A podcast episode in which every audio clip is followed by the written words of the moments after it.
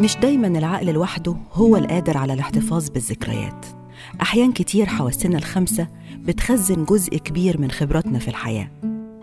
حاجات شفتها أصوات سمعتها أو أشياء لمستها ممكن تستدعي في لحظة مواقف وبشر وأزمنة. كل حلقة هتكون رحلة عبر حواس أحد الأشخاص. نفتح فيها خزنة ذكرياته من خلال اللي هتستدعيه حواسه الخمسة. أنتم بتسمعوا بودكاست ذاكرة الحواس وحكون معاكم في الرحلة منى الشايب.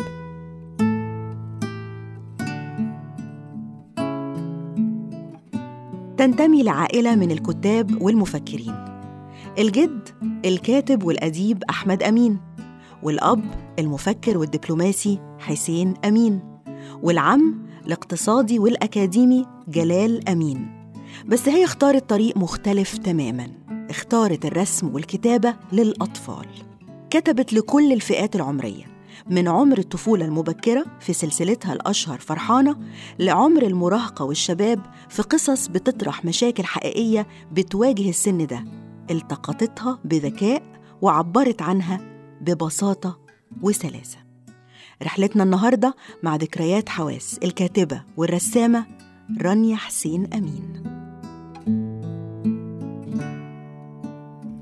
الطفولة وسنوات العمر الأولى من أكتر المراحل اللي بتشكل الذاكرة السمعية عند ناس كتير. والطفولة كانت المصدر الرئيسي للأصوات عند رانيا حسين أمين.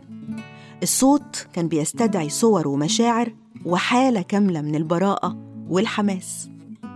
لو هفكر في الأغاني اللي كنت بسمعها زمان كنا بنسمع الراديو على طول. أنا عندي أختين كانوا بيسمعوا مونte كارلو مثلا الأغاني كان في بنسمع أغاني فرنساوي أغاني إنجليزي وكده. أنا كنت بسمع اللي هم مشغلين وأنا ما كنتش involved قوي في إن أنا اللي أختار الأغاني وكده. ف بس لما أفتكر الأغاني اللي فعلا كانت حاجة أقدر أقول إن أنا أتذكر إن هي بتحرك مشاعر كده. وقت ال morning lines وأنا صغيرة قوي لما كنت في ابتدائي أولى ابتدائي وثانيه ابتدائي كنا بنغني أغنية تخلي السلاح صاحي.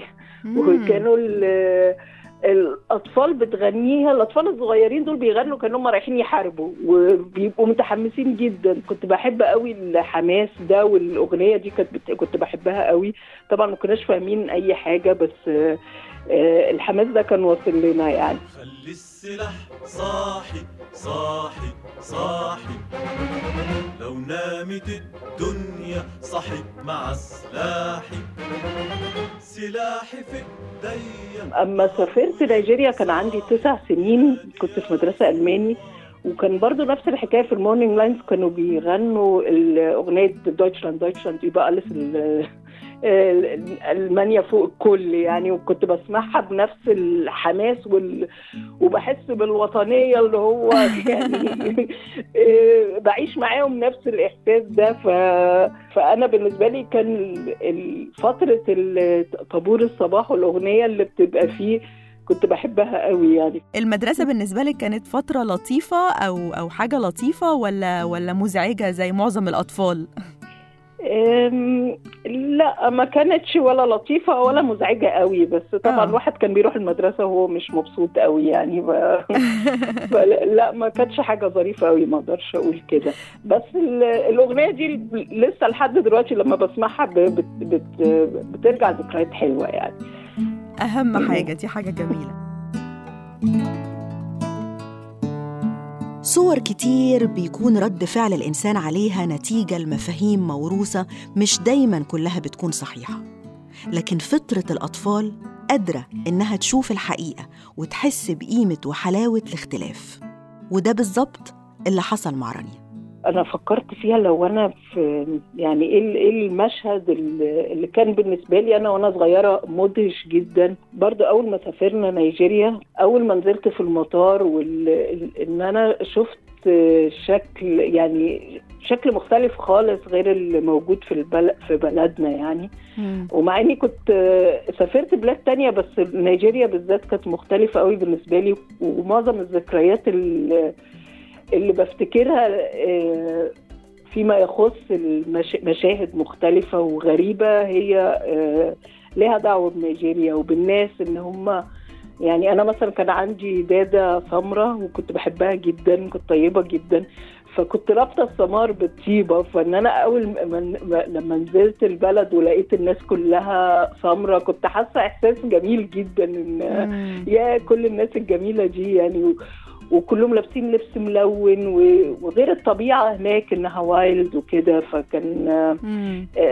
آه، ده مشهد من المشاهد اللي, اللي اللي كانت مدهشة قوي بالنسبة لي وكانت آه، غريبة قوي وكنت إنك نزلتي مكان كل الناس اللي موجودين فيه سمر يعني آه. بشرتهم آه. سمرة مم. ولبس مختلف تماما وطبيعة مختلفة تماما فكل حاجة كانت غريبة أنا كان كان كان بالنسبة لي كأنه حلم كده كان أيوه أيوه دخلت عالم تاني خالص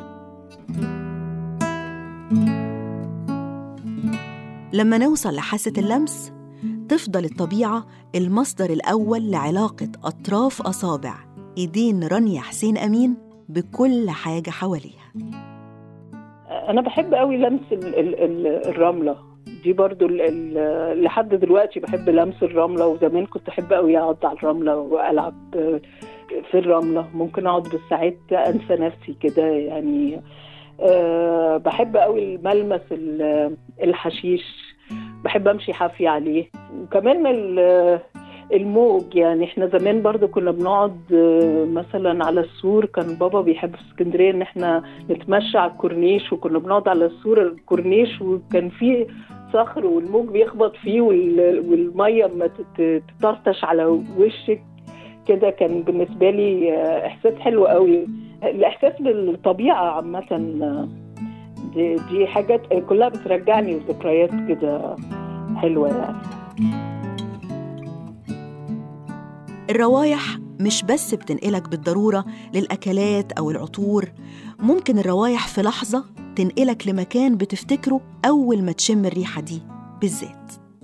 برضو مرتبطة بالطبيعة إن أنا يعني برضو ال- ال- ال- لما كنا بنوصل اسكندرية كان بابا بيحب إن إحنا كنت أنا وبابا وماما وإخواتي الاثنين كان يقول لنا أول حد ي- يشم ريحة البحر يبقى هو كسبان أو اول الله. واحد يشوف البحر. فإحنا كنا بنقعد بقى في العربية مستنيين مين هيشم ريحة البحر الأول.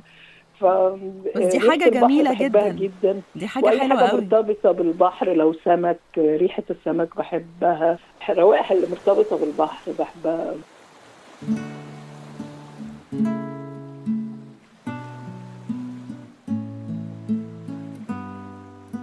أما عن التذوق عند رانيا فهو مرتبط ببهجة التجارب الأولى للطعم واللي بيستدعي هو كمان مرحلة الطفولة بكل تجاربها الأولى. أنا عامة حاسة التذوق عندي ضعيفة جدا. يعني هي أظن إنها كانت ضعيفة برضو زمان ودلوقتي يعني بان أنا مش مش ما كانش بيفرق معايا قوي ما عنديش أي أفضلية قوي الاكل بس اللي أنا فاكراه إن إحنا آه، لما سافرنا بيروت كنت صغيرة قوي وقتها كنت يمكن ست سنين أو خمس سنين. أيوة. وفاكرة إن أنا كان أول مرة أدوق اللافاشكري وأول مرة أدوق السيفن أب. آه. فالحاجتين دول اللي أنا فاكراهم إن أنا عجبوني بشكل رهيب يعني. واللي هو آه، إيه ده؟ يعني حاجة طعمها كده. فانا بالنسبة لي الحاجتين دول فاكراهم كويس قوي ولحد دلوقتي لما كل اكل اللافاشكري بحس إن أنا أنا عملت دعاية كده حلوة. فبحس إن أنا يعني برجع برضو دي بترجعني للذاكرة. آه. آه، لأول مرة دقتها فيها. أنا حاسة إن كل ذكرياتك بترجعك لفترة الطفولة. يعني مش الشباب ومش آه، ما بعد الشباب النضج. كل ال- الحواس بترجعك للطفولة. شايفة ده ليه معنى معين؟ آه يمكن الحاجات اللي أنا تذكرتها الحاجات اللي كانت بالنسبة لي مدهشة يعني. آه. هي- فهي آه ويمكن مرتبطة بالسفر كلها لأن آه، يعني برضو أول مرة الواحد يشوف حاجة أو يسمع حاجة أو ياكل حاجة أو كده فبتبقى. بتبقى علامة يعني كده في حياته ما بتتنسيش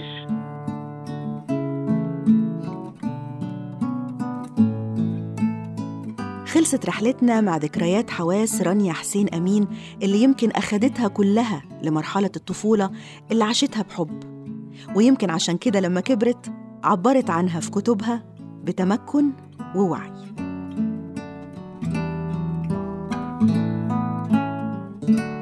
لو بتسمعني وتحب تعمل رحلة مشابهة في ذكريات حواسك هكون سعيدة نعملها سوا.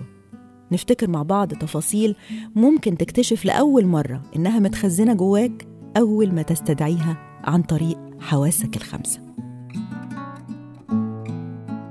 كانت معاكم في الرحلة منى الشايب وانتوا بتسمعوا بودكاست ذاكرة الحواس.